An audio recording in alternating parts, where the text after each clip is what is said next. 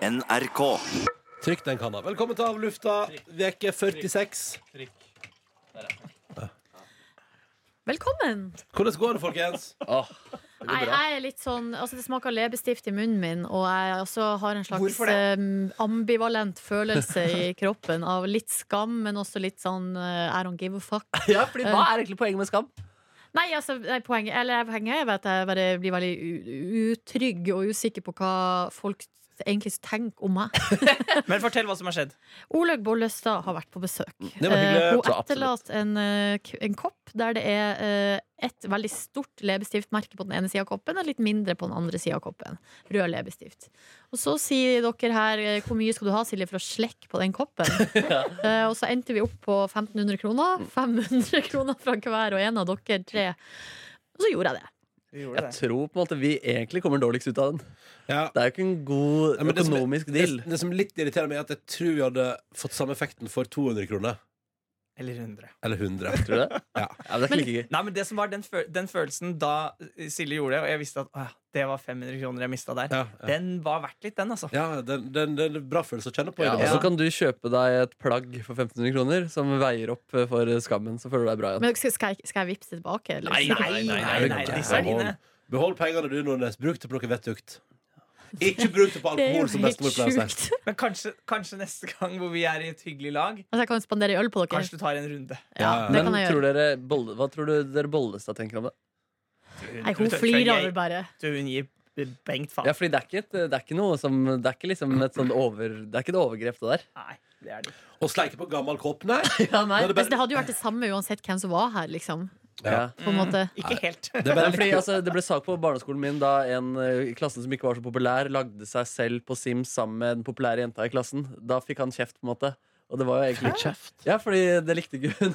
Altså. Eh, og så syntes ikke læreren heller at det var innafor Det høres helt grusomt ut. ja, så det var egentlig litt slemt. Ja. På en måte sånn, kan, det er, man kan jo bli krenket av så mangt. Ja. Men, Stakkars men på skolen, da, eller? På skolen, ja. Ok, Så da var det sånn her, Se her, her er vi liksom lagde humor på det, da? Eller? Nei, det var egentlig med at han levde seg litt inn i en drøm hjemme, og så Og så sprakk den bobla. Ja, sprakk det, ja. Å nei. Barneskolen. Harde greier. Ja, barneskolen kan være livsfarlig. Det er nå bare greit. Jeg tenker at ungdomsskolen var hardere i mitt tilfelle. Ja, mulig. Da på en måte pika det, og så roa det seg litt ned på videregående igjen. Det. Jeg har aldri hatt så hardt skole. Jeg husker Folk sa at puberteten kom til å bli så forferdelig. Men uh... Jeg, vet, jeg, vet, jeg, takk Gud, jeg var veldig heldig med min pub. Altså, det gikk, jeg var jo uansett tjukk, på en måte, men, eh, men jeg hadde ingen man blir pubertetsproblemer. ikke tynnere eller tjukkere av puberteten. Nei, men poen- Poenget var bare at jeg hadde ingen pro- pubertetsproblemer. da. Jeg hadde ikke Var du tidlig eller sent ute? Jeg tror jeg var helt midt imellom. Tror jeg var midt på. Helt utrolig meget normal. Jeg har også vært ganske, veldig gjennomsnittlig i det, da, med tanke på pubertet og utvikling og de tingene der. Og sjøl ikke den som har vært liksom i midten av, eh, av dramaet, egentlig. Men altså, det var jo, det var jo sånne hendelser, og det var på ungdomsskolen. Da er man ganske små. Altså, man er fra 13-14-15 år. Og da var det liksom eh, Det var noen gutter som regjerte veldig, og så var det noen jenter som kanskje hadde Eller at de hadde hatt eh, sex eller gjort ting, vært naken Ah. og så videre. Og da Ah. var det liksom hore! Hore! Uff da. Uh, ja, det var, det Var var det ligging ganske på ungdomsskolen beinhardt, liksom. Å, nei, det var ganske jeg tror det var, det var opp til, Ja, nei, men det var mye. Jeg tror det var eh, mange som hadde brutt sin jomfrudom på ungdomsskolen hos meg altså. Ja, det var det hos meg også. Jeg gikk på Kristelig gymnasium, så der, Ja, og der, var det, der, var det, der var det veldig lite horeopplegg. Men det var ett par i, eh, da vi gikk i åttende klasse allerede da, som sa at de hadde hatt sex. At de var kjærester da. Ja. Eh, Og begge to var veldig stolt av denne hendelsen. Så kom det fram senere at det var bare tull. At de ikke hadde hatt sex. Ja, Og da var begge to hadde koordinert historie. Ja, ja, ja. Det der, der tror jeg det er mye av. Hva er jeg hadde, oh, ja, Nei, det var, Jeg husker ikke detaljene, men det var bare det at de hadde Hadde sex. Og det var, og det var hvor de hadde vært, hvordan de hadde gjort det. Eh, altså sånn, alt, det, det var liksom plausibelt, da. rått. Hvorfor kunne ikke jeg bare, Hvis de var så utrolig interessert i å fortelle folk at de hadde hatt sex, hvorfor kunne ikke jeg bare ha sex da, hvis de var sammen? Nei, det vet jeg ikke. Jeg hadde også en kompis som kom hjem fra sommerferie. Det tror jeg også er typisk Og så hadde han vært i USA, så sa han at han hadde debutert seksuelt for første gang. Eh, men hva, hva het hun? Eh, Carrie. ja, ja, ja. Ok, hvordan møttes dere? Eh, vi var på bassenget, og så begynte vi å kline. Og han, han, han står for den den dag i dag, ass. Gjør han det? Nei, hvordan går det med deg og Carrie på dagen, liksom? Nei! Ja, jo, jo, jo. Og du har konfrontert deg med det i de Ja, 15 ja, årene ja, ja, etterpå. det, det ble en running gag, det der, ass. Det var nok på The Sims det skjedde. Det var nok på The Sims at Carrie dukket opp. Og så var det så gøy fordi det var en digg dame i Gode dager, eh, TV-serien, som han også så på, som het Carrie. Ja. Det var så åpenbart hvor den inspirasjonen kom du må ikke lyge, men øh, fortsatt. Mener du hvis du hadde ringt han og så hadde stått Det er lenge siden jeg har sett han, men uh, ja, det tror jeg. Han, uh, Til videregående så var det fortsatt Carrie. Kan du ringe han nå og spørre om hvordan det går med Carrie? Jeg vil ikke utlevere han for Nei. å løyte om det. det er jo Dr. Johnson, det er jo Dr. Johnson. ja, vi kjente jo hverandre ikke da. Men husker dere, da vi, vi, var, vi hadde svømming eh, på barneskolen, så var vi på ungdomsskolen. Og også da jeg begynte i åttende altså den, den, Nå underviser jeg jo ungdom, og jeg husker den følelsen av hvor svære og skumle de tiendeklassingene var. Al- Altså, jeg, Ja. jeg tenkte sånn at det, jeg, det, det var, Og det var jo, da var det bare to år imellom. Ja, Men jeg, de var så Og det var virkelig noen av de Det var noen onde jævler da i, den, i det, det kullet der. Det er Men, noen jævla ja, nei, de var, det var en fyr som hadde sånne em, hvite kontaktlinser. Mm. Så han gikk rundt i gangen, og så var han bare sånn her. Og det, han, han, hvis, hvis han var i nærheten av gangen, da, måtte jeg, da var jeg livredd. Altså. Da var du livredd. Men når jeg ser på eh, eh, åttende, niende, tiende, eh, første Når jeg ser på det nå, så er jeg bare sånn herre Bitte små. bitte små. Mange av dem er jo høyere enn meg, men allikevel. Jeg kunne banka dere. Ja, ja, ja. Du kunne iallfall gitt ei ei lekse med kjeften. Det Ja, kunne du. Ja, ja, ja. Hvordan går det? Hvordan har veka vært dere? Jeg har jo altså da nå pådratt meg en liten forkjølelse her. Jeg, altså. Ja, det er leit. ja, ja, ja. For jeg tror vi går etter vi hadde vært på Senkveld og spurte om vi skulle ta en pils. Og jeg tror det, det må være en av de første gangene du har vært skeptisk til det. Ja, ja, det var jeg. Og tenkte at det er nok bedre at jeg går hjem og tar det litt med ro. eh, og bare ha det chill. Og da reiste jeg hjem og lagde quesadillas og på Solsiden. Na, na, na, na, na, Det, hører er definisjonen av å ta det til det. Ja, det er det. Er du blitt voksen, Ronny? Ja, vi får se. Jeg var jo ute dagen før, da. Og dagen før drakk du rødvin. Ja, ja, ja. Så du kunne blitt en perfect Ronny Brede Aasevik, men du avsto Eller drakk du pils eh, hjemme i går? Nei, nei, nei, men jeg drakk jo pils på senkveld. da, Det gjorde jeg. Ja, det stemmer det! det, Ja. stemmer det. Så Så får det pils på senkveld! Ja! De drikker sjampis de underveis. Eh, Si, Silje Sandmæl, holdt jeg på å si. Helene Sandmæl og- og Stian Hva er han skalla i Luksusfellen heter igjen? Hallgeir Kvadsheim. Hallgeir Kvadsheim. ja. For de som har tatt det Men- For et show! Men, men, men drakk Blippen og Olafsen sjampis underveis? Jeg så det ikke, Men men Olafsen er jo gravid. Ja, så hun gjør ikke det. Men ellers så sa i hvert fall Blipp at de kunne gjøre det. Ja, så det. Men det er ikke det som Graham Norton-style, for der drikker de det, det ser ut som Graham Norton Det kan hende det bare er champagnebrus, da, men Han kommer rundt med vinglass han, på Ja, scenen. Og, ja, det er kult. ja. Det er, noe, det er noe gøy med det, altså. At det er litt sånn jo-jo-jovial. Jo, jo, jo, Ja, det er ikke så mye å bli drita, liksom, men sånn en liten 0,33 før man går på, Ja. det var liksom Det var fint, det. beroligende det var deilig i går. Og så var jeg, jeg blanda 50-50. Altså, eller jeg satt med en kopp kaffe og en uh, liten Carlsberg i handa. Og liksom bare kosa meg med de to. Mens eh, vi prater om sånn Ja, så kommer vi til å spørre dere om det, og så spør vi om det. Og så er det sånn, ja, ja, kult om dere drar en historie om det og det. Der. Og så var vi inne i sofaen der. God sofa. Eh, jeg kan jo si Etter min, etter min erfaring Så syns jeg Blippen og Olafsen har bedre sofa enn det Thomas og Harald hadde, faktisk. Oi. Ja, jeg, jeg satt jo en time sammen med Liv Ullmann i Senkveld sist. jeg. Ja, tenk på det. Når de altså revkjørte meg så hardt på skjult kamera. Hva var det du gjorde da? Nei, det var da de, det var da de, de klarte å lure meg inn i bilen til alle andre dag fordi jeg trodde vi skulle på noe Ja, opplegg sammen. ja. Stemmer det. Vi skulle, på, vi skulle lage vi, ja, ja, det er mye underholdning som har blitt lagd. ah, Shit, det er så masse de siste ti åra. ass. Det er så masse. Men så blir jo da kjø, det er dere råkjøring i skogen der, og fullstendig kaos. Ah, ja, ja, Hvem tror ja. dere har vært mest pære på Senkveld med Helene og Stian? Av gjestene på besøk. Staysman. Hvis han har vært der, så er det Staysman. Ja, det kan hende, ja. Oh, tenk, han har det ryktet nå. At, eh, Ja, han har, Jo, men han eh, det, det dyrker det jo. ja, han- Ja, jeg tror ikke han tror, La han er, rølpen leve er jo hans uh, fane, Fanesak. fanesak. Men min konspirasjonsteori er at han ikke drikker så mye. Jo, jo, det er han. Jo, da. Ok, han er Eh, jo da. Hvis okay. du følger han på Instagram, du, når han er på Jeg gjør det, sommer og sånn. Og han trener også i treningsstudio på å hoppe opp og ned med øl i hånden. Så alt livet hans er sentrert rundt den pilsen. rundt den pilsen. Nei, men så, eh, så den forkjølelsen er litt irriterende, men det skal gå bra. Og jeg skal være i fin form til i morgen når vi, eh, jeg og Nordnesen og Nebjørn skal til Tromsø by og ha utsolgt show på Driv. Meget, det, det, det, jeg tenker Akkurat kan prate om det er utsolgt. Da er det jo ingen problem å prate om at vi skal ha det. Jeg vet ikke, jeg kjenner ikke til eh, reglene. Nå går vi videre, eh, men det blir hyggelig. Jeg gleder meg. Vi skal henge i Tromsø et døgn. Og jeg drømmer om, eh, hvis noen vet om en skikkelig bra plass å spise middag i Tromsø, send det gjerne på mail til p3morgen.nrk.no. Det har vært hyggelig. Spise litt sushi. Ja, men det, vi, vi, jeg går gjerne på sushirestaurant, Markus. Ja, ja. Jeg er ikke vanskelig Jeg, trenger, jeg er ikke vanskelig å ha med å gjøre. Du er kommer ikke til å spise på sushirestaurant. du, Ronny. Selv om det Vi gjorde det da vi var i Drammen, så spiste vi på sushirestaurant. Ja, da var du sur.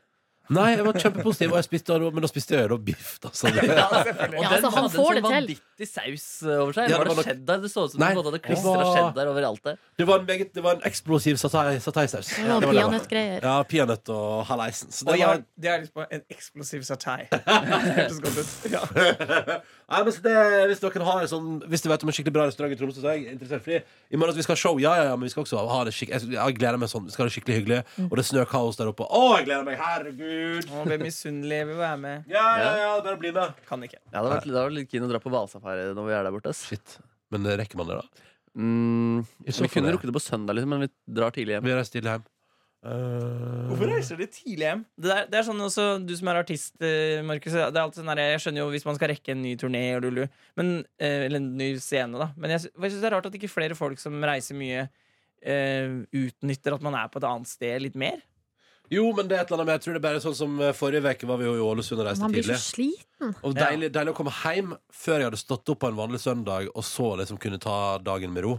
Det var Men hvis jeg hadde vært i Når man reiser mye, så er det, liksom, det, er digg å, det er digg å få tid hjemme, rett og slett. Ass. Man Men- savner det. Det er større behov enn å se Tromsø, som man har vært i mange ganger også. Jeg. Men da vi var altså, eh, Jeg var med Fay på rakettnatt her eh, tidligere i høst, i august. Og da, oh, prosit! Eh, og da bestilte vi seint fly fra Tromsø på søndagen der, fordi at um, Og da var det noen sånn båttur vi kunne dra på. Ja. Uh, og da dro vi på båt og, og satt i sånn stamp på dekk på båten. Hoppa i havet og svømt og i iskaldt vann. Ja, og, sånn. og så var vi og spiste da på restaurant, og så dro vi hjem. Ja, Sånn så fly, ikke sant? Ja. Da, det hørtes digg ut. Men da var det jo oss to som gjorde det som en, liksom, som en søndag i lag. Men jeg Ja. tror hvis jeg hadde vært eh, sånn som nå, da, når jeg er eh, i Tromsø alene, så, da ville jeg jo bare hjem Du er jo med meg og Nebjørn Ja, det, men jeg er jo mer med dere enn med henne i livet. i livet. Ja, Ja. tror jeg. Er Du ligger mer med Faye enn med Ronny og Markus. heldigvis? Hel ja, eller Jo da. Den kan du plante i fanteoriboka. Ja, ja, fanteori. Fanfiction. Skriv noe deilig fanfiction. Det har vi drømt om. Jeg tror det er vi som har snakket på det. At, at det hadde vært gøy hvis liksom på siste, nest siste sending sånn, så knekker Ronny sammen og så sier han sånn Silje, jeg har alltid elska deg. ja, ja, ja, ja. Ja, det var så fin Du- oppsummering av tida. At du er lesbisk, og at jeg er sammen med Tuva. Alt er løgn. Det er deg jeg vil ha. Alt er løgn. Det kan skje. Jeg tror ikke det skjer. Det kan Nei, jeg tror heller ikke men jeg har opptil flere ganger fantasert. Men har du fantasert om andre ting, big revelations i programmet her? Andre ting du liksom har drømt om at skal oppstå eller skje, eller? Det var veldig lenge da når Markus ikke var åpen om at han var i et forhold. Ja. Så hadde jeg lyst til å åpne døra og skrike han er Andrine Hegerberg! Det hadde jeg lyst til å gjøre hver dag. Mange ganger jeg ble så irritert over det der eh, snokinga. Ja. Så sa Markus det er bra innhold, det er bra innhold. Dårlig innhold, tenkte jeg. Det gøy å bare vite at du satt der ute og liksom var fristet til å dra opp døra og Altså, man burde jo egentlig ikke si, ting, si, deg, si ting til Du sier jo ikke ting til meg òg, fordi du er redd for at jeg skal Ja, men, du, men du, Jonas, er åpen på at du lekker som ei sil, da. Ja! Ja, ja. Men jeg i, i, Ja. Nei, ikke på alt! Du, du, du, har, du har til å prate, altså, hvis du skal være venn med meg, så må du tåle at jeg prater om det. ja det er sant. Det er sant, det er sant, det er sant. Men du er i hvert fall åpen om Men det. jeg har, det er jo en del Du har noen, du har noen eh, For jeg har jo en del ting jeg faktisk har taushetsplikt på. da Mm, Og ja. det bryter jeg faktisk aldri. Nei, Det er bra. Heldig. Hvorfor ikke det? Hvorfor ikke det? Er det regelrytter, eller? Nei, men tenk på det, Jeg leser jo da uh, hundrevis av folk sine innerste innerste problemer uh, hver eneste uke. Har du, for du kommer, hadde du sagt det til oss hvis noen i P3 hadde drevet og sendt inn et problem til Er du gæren? Nei, nei, nei! For det kan jeg si, jeg har sendt inn et problem til Lørdagsrådet en gang. Har du? Ja, Og det har vært på lufta. Hæ? det? Ja. Vet du det? Nei. Nei. Jeg tror jeg, Da må du ha hatt en uh, pseudonym-mail. da Eller om du gikk direkte til programleder. Kanskje ikke direkte til Nei, det, nei. Korleis susse. Tuva. Samfunnet er opptatt av at jeg skal spise mindre kjøtt. Nei, men Men jeg faktisk Jeg er eh, opptatt av at jeg skal spise mer. Hvor er klitoris? Hvor er klitoris? Nei, Det er til juntafil. Det er Det er til Det kan du spørre Tuva om. Såpass god kommunikasjon har dere. Såpass god kommunikasjon har vi det kunne Men kan du ikke si hva det var problemet? Jo, jeg kan, jeg kan si det, for det er bare gøy å være la ligge der. Så kunne folk lurt på hva det var. Nei, nei, men en gang uh, Jeg sendte folk inn Men det var faktisk også fordi jeg tror på det var helt i, ganske i starten. Ja, for da Så- spurte Siri kollegaer oss Ja, gjerne sende inn. Ja, for av og til sendte hun fellesmelding og sa sånn Hvis noen har noe og da, da sendte jeg inn problemet om at jeg hadde eh, det hadde falt et veldig pent eh, luksuskjøkkenhåndkle ned på min veranda fra naboens veranda. Han hadde sannsynligvis vært ute på tørkesnor, og så hadde det blåst ned, og så var det et veldig fint tørkehåndkle. til kjøkken, kjøkkenonkelen, liksom. Og så lurte jeg på om skal man levere tilbake, eller kan jeg bare ta det i min kjøkkenonkels stall. Det var da problemet jeg sendte. Og hva endte du med å gjøre? Eh, jeg har beholdt det, ja. Å, men hvor luksuriøst kan et kjøkkenhåndkle egentlig være? Nei, altså, jeg tenker at det, det koster, altså, når et kjøkkenhåndkle koster flere hundre kroner, da tenker jeg at det er luksuriøst. Mm. Eh, Hva, hvordan ser det ut? Flott og blått. Flott og blått, ja. Men jeg tror Nå har den nok røket. Nå er det nok ute av stallen. ja. Dette er mange år siden. Den har fått nok eh, bologneseflekker på seg. Ja, bolognese drypper Bruker du kjøkkenhåndkle når du lager mat? Nei, men jeg tenkte faktisk at Å, det skal jeg skrive ned! Jeg skal ønske meg forkle til jul! Å, jeg har lyst på! Å, det kledde du kledd! Ja, ja, ja. Jeg har lyst til å se deg i forkle nå. Sånn. Forkle. Forkle. Der. Sånn. Der var det gjort. Da var det gjort. Det ønsker jeg meg til jul. Uh, Veka di da, Markus Neby. Hvordan har det vært, dette her? Det har vært en eh, bra, travel uke. Det, jeg, jeg fikk en veldig sånn Det var en veldig positiv opplevelse å være på Senkveld i går. Jeg Ja. Det var skikkelig gøy å sitte der og være der.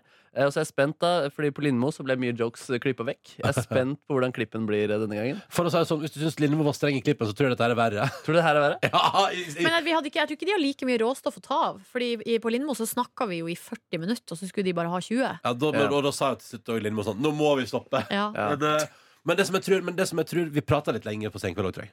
Ok Ja, det Men. Markus hadde noen helt episke jokes som Ja, var helt ut. Tror dere IS-vitsen kommer med? Nei, Tror du IS- IS-vitsen? IS-vitsen kom ikke med. Si IS-vitsen her, da. Ja, det var Nordnes fortalte en fin historie ting vi opplever i programmet. Blant annet at Nordnes og Ronny hadde sett en dame føde eh, på vei til jobb. Og så fikk vi melding fra føderen og oppdatering fra livet til den ungen. da Og så liksom applaus, vakker historie. Og så er det det er nydelig, men det er kjipt at det barnet og den familien har blitt fre- fremmedkrigere. Ja. Så det har lite sånn mørkt bak det. Ja, den er ikke dum. Den er ikke dum, den der. Det blir aldri med på TV2. Tror du ikke det? Nei. Jeg lover deg, den er så jævlig ikke med i kveld. Men skal vi vippse Markus 500 kroner, da? Hvis, eh, Nei, nei. Nei. nå er jeg ferdig med å vipse. Jeg har vipset nok. Jeg har tusen nei, Nordnes. Nei, nei, nei, jeg har ikke en krone å spare! Det kommer Men drit det i. er bra at hvis vi vippser 500 kroner hver til Markus, hvis den IS-vitsen blir med, så, eh, så da sitter jo jeg igjen med 1000 spenn fra, før, fra i morges. Bra Mens dere to har tapt 1000 kroner. Er. Ja. For en gjeng med brødhaug! Ja, det er brødhu... Men det jeg er også mest spent på er Det er en passiar med Agnes Kittelsen i Senkveld som jeg også er veldig spent på med, for der sier Agnes Kittelsen at etter at hun fikk barn, så er ikke ting så farlig lenger. Altså, typ sånn det, altså, Hun gir litt mer faen, da. Ja. Men Markus misforstår det og tar det veldig bokstavelig. Så han tror at hun prater om redsel. Så plutselig må hun si sånn at ting er ikke så farlig lenger. Og plutselig kan jeg liksom, ja, det er null stress å fly med barn og sånn. Og så plutselig bare sier Markus sånn Så nå er ikke du redd for hai lenger? Og så, og så, og så, Og sier hun bare Hæ? ja. Og så sier Markus så sånn Du er ikke redd for hei lenger Og så sier Stian Blipp Hæ? Og så sier Markus Ja, du sier at ingenting er farlig lenger Ja. er du, så nå er du ikke redd for hei lenger Og så sier Agnes Gitte bare Nei, det er ikke det, det er ikke jeg Din, din raring. Ja, det, det, var- det, det var bra parert å si det. Han Samtalen gikk litt trått her, men nå kom du inn og det redda samtalen. Takk for at du gjorde det. Det. Var, det var, ja, det Det var, høres ut som bra TV, da. jeg, jeg tror Det vi var leverte der. Altså. Det- Det var, men det er vi sånn- fikk mye applaus. Men også vet Ronny, og- når Ronny og Silje slutta å snakke, da klappa folk. Og når jeg sa noe, da lo folk, og de klappa. Men, var det noe eh, som bomba skikkelig, da? Hvor det ble sånn uff, da. Ja, den haien var litt bombing, men, det, eh, var men så, det det ble så stille i studio Det ble så stille i studio Ja, det Men dere det er gøy også å insistere også tre ganger på å fortsette med hai. Ja.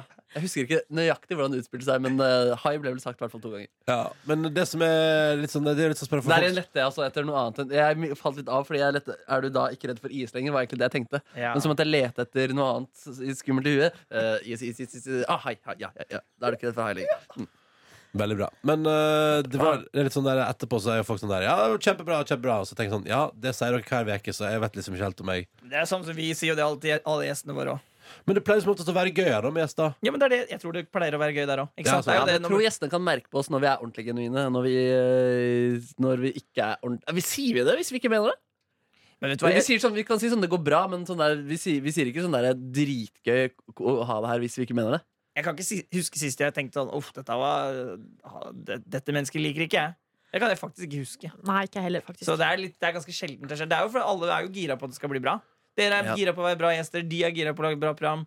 Publikum er gira på å ha det gøy. Ja. Så det blir jo ofte gøy. Publikum er gira på å ha det. gøy Det er bra publikum. Det er bra publikum Ellers noe annet fra veka du vil trekke frem? nei. nei. Men du er en lykkelig fyr Jeg er en lykkelig fyr. Det er jo rart, da. Jeg er borte noen dager i uka på en måte jobber med andre greier. Det er litt, sånn, det er, det er, litt- det er litt rart, det der. Men, Ja. eh, men Hører du på? Hæ? Hører du på? Jeg hører på direkte. Gjør du Så på det? måte, ja, Ja. Men ikke, jeg har ikke hørt på podkaster. Det var jeg enig med meg selv om. Hvor, hvem var det jeg pratet med deg om da? Men jeg ble enig med meg selv om at jeg kommer nok ikke til å klare å høre på Peter Morgen 2. januar, tror jeg. Men Vi snakka om at eh, det ville være litt eh, sånn posttraumatisk stress eh, å utsette seg for det. Ja. ja, det var deg jeg pratet med om. ikke det? Ja, ja. For Vi var ute og drakk birras på onsdag. Mhm. En liten tur og spiste pizza og hadde det hyggelig. Og da, det, det, det, tror, jeg tror nok at jeg må ha litt tid. Uh, for å kunne høre på P3 Morgen igjen. Så jeg får bli en sånn politisk kvarterfyr eh, i januar. Så kommer jeg tilbake igjen i februar. Jeg er politisk, men bare i et kvarter. Ja, det hender, det hender lenge. Nordnes, nå uke 46. Nei, det har vært eh, Altså, Fai har vært borte, så jeg har vært mye alene hjemme sammen med Jeg og Moses har Altså, katten har kosa oss eh, der. Men jeg har vært eh, litt, altså, litt uh, småsyk, jeg òg, så jeg har tatt det veldig veldig, veldig med ro. Sett enorme mengder med TV. Uh, og egentlig altså, vært sånn, Det er jo deilig å komme hjem, og så er det mørkt ute, og man har det rent og ryddig og fint, og legger med det pledd og TV og kanskje et stearinlys. Og, så jeg har egentlig kosa meg veldig, veldig mye. Men hvordan var gjenforeningsleden i går kveld, da? Nei, den var meget Ble god. det pjusking? Kosing? Ja, men Vi var veldig sliten begge to, så det var liksom bare rett under pleddet å se på Succession, som Ja. er det nye uh, hjertebarnet. Hvor mange episoder er det? Oi, det er vel kanskje åtte kanskje i hver sesong, så det er to sesonger. Ja. Uh, en times eh, episoder. Ja. Jeg, jeg kan ikke si det nok hvor mye jeg anbefaler det. Så. Okay. det jeg, det? Eh, Jeg begynner å bli, begynner å bli fysen på den serien. Det høres spennende ut. Ja. Spennende. Jones? Eh, Jeg var på teater i går, så Snøfall som Nordnes og eh, Det var nypremiere på det. Ja. Eh, Nordnes man- så det i fjor. Ja, så det i fjor, ja. Ja, ja. Og jeg, hvis, hvis man har lyst til på litt julestemning, så ville jeg bare dratt meg dit og kjøpt meg billett før det ble utsolgt. Det var, det var noe av det beste jeg har sett på lenge. ass det var det ja, jeg, ble, jeg ble så mye rørt, og jeg satt og grein og lo. Og, Men var det mine unger der, eller hvordan var Ja, demografien? det var- ja, det var mye unger, men dette var jo også premiere. Så Odd Magnus Williamson satt rett ved siden av, og han, ble, han snufsa også masse. Var vel, Ja, og. Men eh, Nei, det var, så det var en del litt mer voksne enn det sikkert er på en vanlig forestilling. Men, men det satt, barn på barneteater kan, som ser, ser på, kan noen ganger være litt irriterende, fordi de babler jo. Jeg, Ja, altså ro på de og ja, sånn. jeg er veldig allergisk mot skravling i teatersal, men ikke på barneteater. Der, barn får gjøre hva de vil. Det går, går helt fint. Men foran oss så hadde vi liksom den perfekte teaterpublikum-barnet, for hun hadde liksom to-tre ganger hvor hun sa sånn Nei, jeg kan ikke se på! Og så, og så, sa hun sånn og så er det en, en, en scene hvor hun Selma, hun, hun, hovedkarakteren, er veldig lei seg. Hun gråter, liksom. Og da, og da og det, går bra! og det er sånn der, da får du bare sånn Å, barn er bra, ass. Hvor gamle, hvor gamle var de? Ja, kanskje sånn seks-sju, kanskje. Ja, ikke sant. Ja, Ja, cool. yngre. Mm. Det er ikke utsolgt? Eh, Nei, jeg tror det er igjen billetter nå i starten av eh, eh, spilleperioden. Og så når det begynner å kreke seg opp mot uh, jul der, så tror jeg det er rimelig utsolgt. Ja. Ja, ja. Men det, vil det, var, det var skikkelig skikkelig, skikkelig bra teater. Ass. Mm. Så kult. Hvordan mm. tar du Sannik Moe i stykket, da? Å, søtnos! Ja. Sånn, og jeg har valgt å ikke se den der voldtektsserien han spiller i på NRK. For jeg visste at jeg skulle se dette her. Så jeg venta med det, for jeg orka ikke For jeg visste at han skulle spille veldig, veldig søt i, i dette stykket. Så han spiller en raring. Ja, jeg, jeg har sett de tre første episodene der, og det er en grotesk den voldtektsscena der. Ja, det er forferdelig. Men han er en god skuespiller, og ja, nei, han spiller veldig bra i den her òg. Ja. Og han nissen Å, herre jeg, jeg, kommer, jeg må se det igjen, ja. Å, det må vi, huske på, vi må eh, snakke med og få Kåren og Gita og Yngve inn til å ha en, Ja, en vi må vi må ha lage- en lang en. Lang av lufta, ja. Ja. Ja, Ja, vi møtte Glid jo- da, Yngve. Hallo! Nei! Hallo! Har dere endelig vært og sett på småfuglene? eh, Vi var der i går, og jeg, Ja. jeg, det kom en gulspurv og konglebit. Altså, for du er jo fugleinteressert, Yngve. Jeg er eh, glad i fugler, men jeg er ikke så in altså, jeg er interessert i dem. Men jeg kan nesten ingenting. Hva Hva, hva er favorittfuglen? Kjøttmeis. hva kan du om kjøttmeisen? Nesten ingenting. kan du kjenne igjen en god kjøttmeis? Ja. Okay. Ok. Har- Kan du kjenne igjen en dårlig kjøttmeis? Det fins ingen dårlig kjøttmeis. Men man kan ha dårlig helse. Hæ? De Da kan, ser du det ofte på fjø- fjøra. og sånn. Å, ja, gjør du det? Er det litt mer labre fjør? Hvis Ja. den er- vet du hvorfor det heter kjøtt? Det er, på svensk kalles de talgokse. Det er for de spiser gjerne litt sånn De kan spise kjøtt. Talg? Og, ja. Ja, det er vi glad i flesk. Du har på fuglebillett. flesk. Oi, sånn, Hvis man legger frem liksom en entrecôte, så vil gulspurven Nei, kjøttmeisen eh, forsyne seg? Det er ikke, s- da vil den heller sikkert spise bare av den litt sånn fettdelen, da. Ja, ok, ja. Spiser, ikke- jeg spiser Altså- ikke kjøttet på den måten. Nei, han elsker bare fett, ja. Ja. En god fett rand. Fett meis, Fettmeis kunne jeg kalt den. Fett meis. Men den morsomste fun fun Det er, det, det er navnet ditt hvis du har vært på full, Ronny. Da er vi i gang. Vet du hva kjøttmeisen heter på engelsk? da? Nei. Big tit. Nei, Er det sant? Nei, nei, nei, og Der har du interessen. Ja, det, å, ja, det ligger Ja, men de har jo, På Galapagos har de bluefooted boobies. Oh, Er Blue-footed? Boobies. Det er en fugl ja, med blå føtter. Men det, du kunne jo en del om den kjøttmeisen. Yngve. Ja, men jeg vil ikke kalle meg for en ekspert, da. Nei, nei, nei. Men har det, er, det en fugl som heter Madonna with the big boobies? Ja, det gjør det. Ja, Okay. Og det er en kjempefugl. Enorm fugl med svære boobies. Vi må gi oss. Vi må slutte, vi nå. Tusen takk for nå. Takk. Takk Takk for for at du hørte på av eh, lufta, ny av lufta neste uke. Og ja, som sagt, vi, vi møtte jo Gita senest på Operaen her forrige uke. Og da ble vi enige om at her må det lages. Det må lages. Det, må Det vi, må- fan, det skal vi, Vi traff også søsteren til Kåre i, i Volda forrige uke Det gjorde vi flyplassen! Det var helt sjukt! Hun ligna på Kåre. Heter hun Kårin? Ja, Kårin. Ja, Kårin. Kom da, Kårin! Kåre og Kårin, det er middag! All right, måtte du få en fantastisk tilstand. Takk for at du hørte på vår podkast. Og la fredag og helg være med deg hele veka. Hei da. Hei da.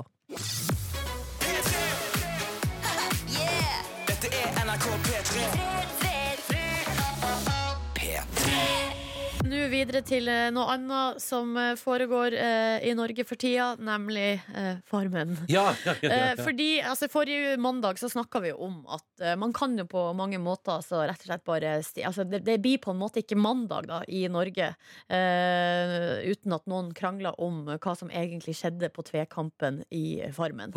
Må de snart begynne med et sånn fullverdig dommerteam i Farmen? Ja, eh, det er kanskje godt mulig. Akkurat Kommer du forresten til å spoile noe nå? Nei, altså i Forrige uke fikk jeg kjeft for at jeg spoila. Skal ikke gjøre det nå. Okay. Ok. Eh, og denne gangen er det vel egentlig ikke krangling om reglene, da. Men overskrifta eh, på VG-nett er nå vært 'Full forvirring etter Farmen tvekamp'. Ja. Eh, og da er det altså to stykker som har møttes i tvekamp. Eh, den ene tap, eh, og den som tap påstår da i ettertid at han har tapt med vilje, og har hatt en avtale da om å bli valgt til andre kjempe, Mm, ja. og at han skal tape med vilje. Mm. Eh, og så sier den andre Hæ? Det har ikke jeg hørt noe om. Eh, så da er det sånn derre Og, altså, og dere sier det til hverandre nå, ja? Liksom etter ja, at det er ferdig? i, Ja. altså, ettertid. Ja. Det er jo det som er det typiske med det her eh, De etterdønningene etter tvekamp på Farmen, er jo at det kommer da eh, Når det går på TV? når det går på TV, Ja. og så mandagen etter så kommer det Mm. enten krangling om reglene eller krangling om avtaler, eh, og også ofte mye sånn her eh, ja, forvirring, da. Og han ljug big time, står det her med stor skrift. Eh, og så da er det og, og det er jo litt sånn jeg vet ikke, Det er ikke første gangen man har hørt at noen taper, og så sier de etterpå at de tapte med vilje. nei, nei, nei, nei. Eh, og der er jo spørsmålet Er det liksom eh, Er det bare rett og slett et eksempel på en dårlig taper, eller eh, er det noe realisme i det? Man kan jo forstå han som eh, sier at han har tapt med vilje, sa at han var lei av spill og baksnakking og stjeling favorisering av noen, og eh, at ingen ville jobbe mer. Eh, og da var det like gjerne bare greit å ryke ut på økskast, fordi ja, det er liksom Ja. Der er det liksom lett å på en måte tape, da. Det er lett å tape, og så er det jo eh, kanskje litt eh, vanskeligere å kaste øks enn det man tror. Eh, så det kan hende det var det òg, da. At det ble sånn, nei, dette var for vanskelig. Det har vi jo begge prøvd. Ja, vi har prøvd, og det var dritvanskelig.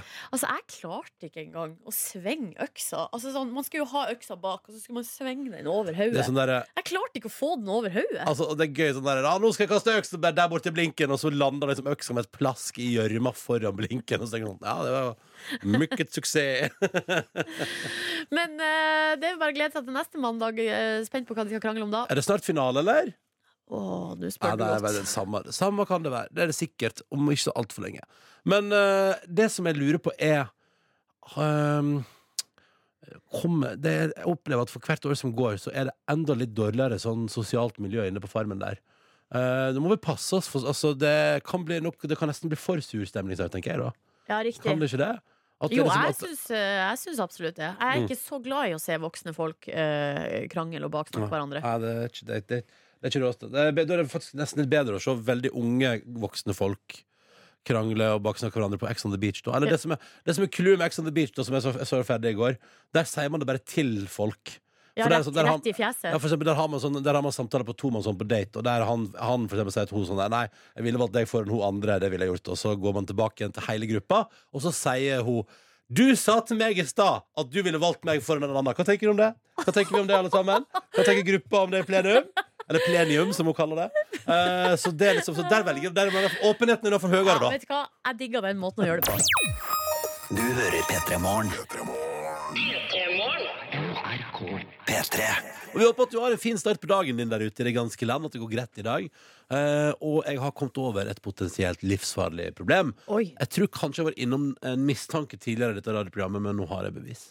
Eh, jeg har jo en eh, smarttelefon, eh, som jo det Det har alle. Uh, og så har jeg også en relativt ny erfaring med at jeg har en litt brista skjerm. Det har kommet en skram, en ripe og en liten sprekk her og der. Eh, og så har jeg følt på tidligere, og nå føler jeg på det igjen, fordi jeg har spilt litt mye Super Mario Run i det siste, uh, at, eh, at fingrene mine er litt sånn Det føles som uh, Det er litt slitne. Altså, det føles som om jeg har uh, behandla fingrene mine sånn som du behandler gulrot i sånn rasper. At jeg har raspa litt grann, ytterst, på, ytterst på fingeren her, ikke sant? Så det er sånn, shit, er det Ja, altså, hvor heftige riper er det i den telefonen? Nei, du kan se her. Altså, du ser jo at det er ganske god, det er god, god og stor her der. Ja, men det er, det er, det er, altså Når man gnir tommelen over, det føles som en glatt skjerm. Ja, Det er, føl- liksom, det er ikke en knust skjerm, det er bare ripete, liksom. Ja, ripete, men det er et hakk her òg. Hvis jeg liksom tar negla bortover, så vil den stoppe i hakket her. Okay, okay. Sånn at jeg føler liksom at, jeg, at, jeg, at det er en sånn Det er en mikrorasp, da. Og at eh, fingrene mine er en slags gulrot som bare går fram og tilbake når jeg spiller Super Mario Run over den lille raspen. Og så har jeg tenkt sånn Herregud, tenk om jeg Tenk om jeg liksom ødelegger fingrene mine her nå. Og så har jeg hørt ei vandrehistorie om at det fins folk som har fått sånne bitte mikrosmå glassbiter inni fingrene såpass at de nesten måtte amputere. Og så er det sånn, ja, ja, ja. Nå har jeg funnet saken. Vi skal til det Nettstedet heter Asia One, altså Asia One. Ja. Og det er altså en uh, Asuan Iqbal Abdullah Sani på 23 år fra Malaysia. Han dere syns at tomlene begynte å verke litt eh, etter at han har hatt og knust skjerm på mobilen sin. Går til legen. Han sier sånn Her er bakteriell infeksjon. Her har du litt antibiotika. Og han, Asuan han tar eh, antibiotikaen. Hjelper ikke, så må han tilbake på sykehuset. Og da viser det seg at der har altså glassbiter satt seg fast inni fingeren. Og det var like før han måtte amputere, mine venner. For det var altså da glassbiter inni fingeren. Det var dø- dødt kjøtt. Og, og det var like før amputasjonen står det her i Asia One Han hadde sin også sak. spilt mye Super Mario. Ja, Han hadde, men han hadde spilt masse spill. Det står dessverre ikke noe i saken om hvilket spill. Nei. Men han hadde spilt, spilt spill, og han hadde spilt spill på en skjerm som var knust. Mine venner, Silje og Markus, tenk om jeg er i ferd med å måtte amputere to fingre. Ja, men har, er det, har det noe vondt der? Er det litt Nei, varmt? det er bare, det er bare Er at jeg, nei, men nei, men det er bare at jeg kjenner at frampå her at det føles som om jeg liksom har dratt sandpapir over enden av fingeren. nå. Ja, riktig. At det er litt sånn, det er noe muffins her. så du har, men det du har fått, er liksom arbeidshender du nå, av å spille Super Mario Run? Du vet, sånn som når man har eh, driver på med liksom snekring, eller at man bærer ting, eller stabler ved, eller noe, så får man litt sånn arbeidshender. Jeg har fått Eller sår begynte å spille gitar, så får man også litt sånn røffe fingre. ja, men Dette her tror jeg er litt annerledes, for dette handler om at jeg Men ser man forskjell? Eller så kjenner man forskjell? Hvis du kjenner på, her kjenner på fuck-i-fingeren, Ja, den, ja. den er det ikke. Eller? eh, Kjenn heller, kjenn heller eh, Kjenn heller på lillefingeren min. Kjenn på lillefingeren. Lillefinger. Ja. Og så kjenner du der. Kjenner du at den er litt ruere? Nei, men, men jeg ser det. Du Altså, ser jeg det? ser på en måte at litt hud er revet opp på pekefingeren. Sant! Litt Og det er altså fordi jeg er i ferd med å dø av bakteriell infeksjon Nei, på, fordi at jeg har knust skjerm på mobilen min. Men du må jo ha, du må ha hull i huden først for at bakteriene skal komme inn. Ja, men det er sakte, men sikkert, vet du, Nordnes. Og så legger bitte, bitte mikroskopiske glassbiter seg inni der og lager et lag av glass på innsida som gjør at jeg kommer til å dø og må amputere fingeren. Shit, Jeg har alltid tenkt at du kommer til å dø av en ølulykke, men du skal dø altså av en Super Mario-ulykke. Super Mario Run-ulykke. Mm. Ah. Men de sier jo også at eh, telefonen er noe av det skjetneste vi har eh, Ja, ikke rundt sant? oss. Altså, de har liksom swipa på dolokket eller doringen, og så har de tatt på mobilen etterpå. Så viser det seg at det er mer bakterier på mobilen. Ja, ja. Så kanskje du skal ta og desinfisere den mobilen din Ja, eller kanskje før jeg du skal gå, spiller neste gang. eller kanskje jeg skal eh, gå og få den reparert. Kanskje det er det jeg skal gjøre. Eller kjøpe hansker som eh, fungerer med telefon. Der har du finnes også. løsninga. Da trenger jeg ikke å begynne med iCloud og backup og Arbe arbeidshansker. Arbeidshansker er kanskje det gir en fordel i Super Mario Bros. også. At det Ja. glir raskere over skjermen. Ikke sant? Mer kontroll. Ja. Og at, i at, fordi at nå begynner det å bygge seg en frykt opp for at jeg kutta sakte, men sikkert av med fingeren. Da. At jeg tenkte, tenkte at kanskje om ti år så er det sånn, Hvis jeg bare har gått rundt med knust skjerm At det er sånn, ja, Ronny han hadde, han hadde lange, fine fingre før, men nå er jeg litt avstumpa fordi han sakte, men sikkert har høvla dem ned gjennom bruk av iPhone i mange, mange år. Ja, det er Tenk så mange talkshow du kan være gjest på da og fortelle Ja, den eh, tunge historier ja. om da du har uh, altså, slitt heller... av hen- fingrene dine. Men Nordnes, jeg vil heller ha gode fingre enn å være på talkshow. Oh, ja, okay. Ja, Men ja. kan jeg, kan jeg kjøpe en, en av to fingre som jeg kan ha i monter? Nei, men Markus, du, altså, poenget er at den blir jo høvla ned, så du får det bare som støv. Oh. Men, du, men selvfølgelig hvis du må amputere, amputere noen greier Da skal du få. Da skal okay. du få En av to? En av to Hvis det er to, så får jeg den ene. Hvis jeg må amputere to, så skal Ja, du få den ene. Da får jeg den andre, liksom. Ja, ja den, to, den som er til overs, ja. ja Ja, ja, det, skal du, det skal du få. Hva Nei, skal du gjøre med den første? eh, den skal jeg stille ut i et monter hjemme over hvor idiotisk jeg var som aldri bytta skjerm. okay, eh, når den var knust. Burde få Super til å men- sponse den. Men, men Markus, du har jo hatt veldig knust skjerm en periode. Du har aldri kjent på det her. Nei, jeg har kjent at på en måte Og der kjente jeg at det røk et lite glass eh, fra telefonen. Og at jeg kunne få et sånn lite sånn der Oi, satte seg nå i fingeren? Men, eh, Tenk men om du òg dør! Tenk om, det hadde vært kjipt. at Jeg kommer til å dø en dag, men jeg håper det ikke er av iPhone-ulykka. Men du gjorde, men hva var det som at, eh, For du gjorde aldri noe mer knust knuste glasset ditt? Nei, men jeg spilte ikke spill som på en måte krevde gnukking i så stor grad over skjerm. Men når du sveiper, da, sveiper du forsiktig liksom, for å ikke kutte deg? Ja, jeg tror jeg lærte meg sweet spots på skjermen min. eh, liksom At det var noe der. Du har vært sånn der. Ja, men, men når jeg tenker på det, det er sånn jeg husker hvordan det var å ha den der pekefingeren som var litt sånn eh, Litt sår? Litt sår At det føltes sånn Er det et eller annet glass som ligger inne der? Jeg, jeg, jeg skjønner hva du mener. det Det er en ny folkesjukdom. Nordnes, har du opplevd dette her? Aldri. Nei, for du tar vare på skjermen din, du. Absolutt. Ja, ja, du Men jeg har jo da du. også deksel på, ja. Ja. Nei, der, der gjorde jeg en feil. Har ikke du deksel på i det hele tatt? jeg fikk ny telefon. Jeg valgte å vente med å kjøpe deksel, og så ble det kne knekk i skjermen. Og da tenkte jeg ja ja, knekk er knekk, da får jeg bare la det være. Ja, ja, ja, Ja. Og så dør du. Og så dør jeg. Og nå kommer jeg til å dø fordi jeg ikke kjøpte deksel i tide. Okay, for Kjøp deksel i tide! Ny fjellvettregel. Eh, fordi Da du starta denne historien, Ronny, så trodde jeg du skulle gå videre til at, eh, at du hadde, at du hadde mista mobilen i trynet igjen. eh, mens du lå og browsa i senga. Ja, det, ja, det gjort Men det er en annen fare. Ja, ja, det er en annen fare. Nei, det Ja. er jeg òg. Det, masse For du vet, det. Det kan jo finnes sånne punkter der du, hvis du bare treffer bitte litt, så dør du. Ja. eh, det, jeg er bare mange- tuller. alt, det er altfor mange farer her. Men eh, ok, men kanskje jeg skal, jeg skal gå til det stedet Nå skal jeg bytte skjerm, sånn at jeg ikke blir sånn som Asuan i Malaysia. At jeg var på sykehus Og vil dere se bilde av Asuan? Her ligger han altså, jeg har funnet bilde av han, og da ligger han altså på sykehuset Silje Markus, og gir Og prøver å gi tommel opp, men tommelen er jo i ferd med å dø. Å nei. Ja, Men hvis man apporterer, kan man bruke på en måte fingeren som en slags penn? Som du på en måte holder i? Og Nei, du for- får en egen sveipefinger? Jeg tror det Den må dør. være Det må gå blod Det, må gå, gjennom. det er blodet Ja, jeg som tror det, vil være som, det er litt som eh, Det vil jo være som når du opererer for eksempel. La oss si at du spiste en nydelig kjøttmiddag Og så La oss si setter du kjøttet ut Og så blir kjøttet kaldt Sånn vil det være Og da vil funker det ikke For det er varme og Skjønner. Nei, det dette var triste greier. Nei, jeg må, jeg må, jeg må, bytte, jeg må bytte skjerm på mobil Ellers så dør jeg. Jeg hadde, gjør det fort. Ja, for kan kan ikke risikere. Kan jeg være toastmaster i begravelsen? Ja, det kan jeg Og det er landskampperiode igjen. Norge skal møte Færøyene og Malta rundt eh, helgen. Har ikke en dritt å si uansett ikke kvalifisert til eh, mesterskapet. Å nei, Markus, du har ikke drept entusiasme sånn Nei, men eh, det, det er ganske League! ja, det, kommer, det, er, det er ikke disse kampene som er nå. Nei. Men folk er engasjerte, da. Det, det er godt med billettsalg og sånn. Så det er, det er en liten entusiasme der. Der det ikke er entusiasme, det er da det nye stjerneskuddet Erling Braut og Haaland sin entusiasme for intervjuer. Eh, han har blitt kjent da, som en fyr som hater å gjøre intervjuer, og som svarer kort på intervjuer. Han har også blitt bedt om å skjerm, bli skjerma fra pressen, og det tror jeg ikke er på en måte en sånn grunn utover at han ikke liker å gjøre Vet du, intervjuer. vet, vil ikke Nei, eh, så jeg har, altså sånn, fordi Nå er det mange intervjuer med han, så jeg tenkte å gjøre litt kjent med han i intervjuer her. Kult, uh, tatt, det gleder jeg meg litt til Ja, kanskje hans uh, internasjonale gjennombrudd på å bli kjent som en fyr som ikke liker intervjuer, er dette klippet her. Etter han skåret sin første hat trick i Champions League, eh, så svarer han eh, Ja, vi kan egentlig bare høre på hans eh, måte å svare på. Congratulations. Tonight you became the youngest player in UEFA Champions League history to score a first half hat trick. How are you feeling right now? I feel very good. Anything else? Uh, you asked how I feel. I asked. I answered. I feel very good. What's the secret? 17 goals now this season in nine games. To work hard. Der er han god. Han er god. Han er god, Jeg skulle si sånn, han må vi få til Peter i morgen Men da tenker jeg sånn, ja, kanskje han ikke Det har han nok ikke det lyst har til. han null lyst til. Det tror jeg det, Det har han ikke lyst til. Ikke det hele Men, men han er jo ikke så sterk i engelsk. Nei, Er det lov å si det? Må ikke du gå rett og mobbe engelsken til Nei, det er ikke mobbing. Jeg bare lurer på om det kan være en, eh, en, eh, en, en, en, på en, måte en av grunnene til at han ikke liker å bli intervjua. Ja, Kanskje han er mer gira når han prater med norsk, norsk presse Ja. Jeg kan, eh, håper jeg kan svare på eh, nysgjerrigheten din i løpet av denne praten her nå. Men vi hører videre på uh, intervjuet her, og vi hører at intervjueren blir også litt usikker da, av hans uh, måte å svare på. Og underveis her så ser vi også at eh, Erling forholder seg til andre rommet, og at han liksom ser vekk fra intervjueren. Eh, ja, det, det er ikke et godt intervju, det her, men det er underholdende. In two weeks you go to Anfield. Your father scored there in 1997. Are you going to follow suit? I hope so. How are you feeling? Um, in come on, um, you made a statement tonight. Six goals, Salzburg's first game in 25 years.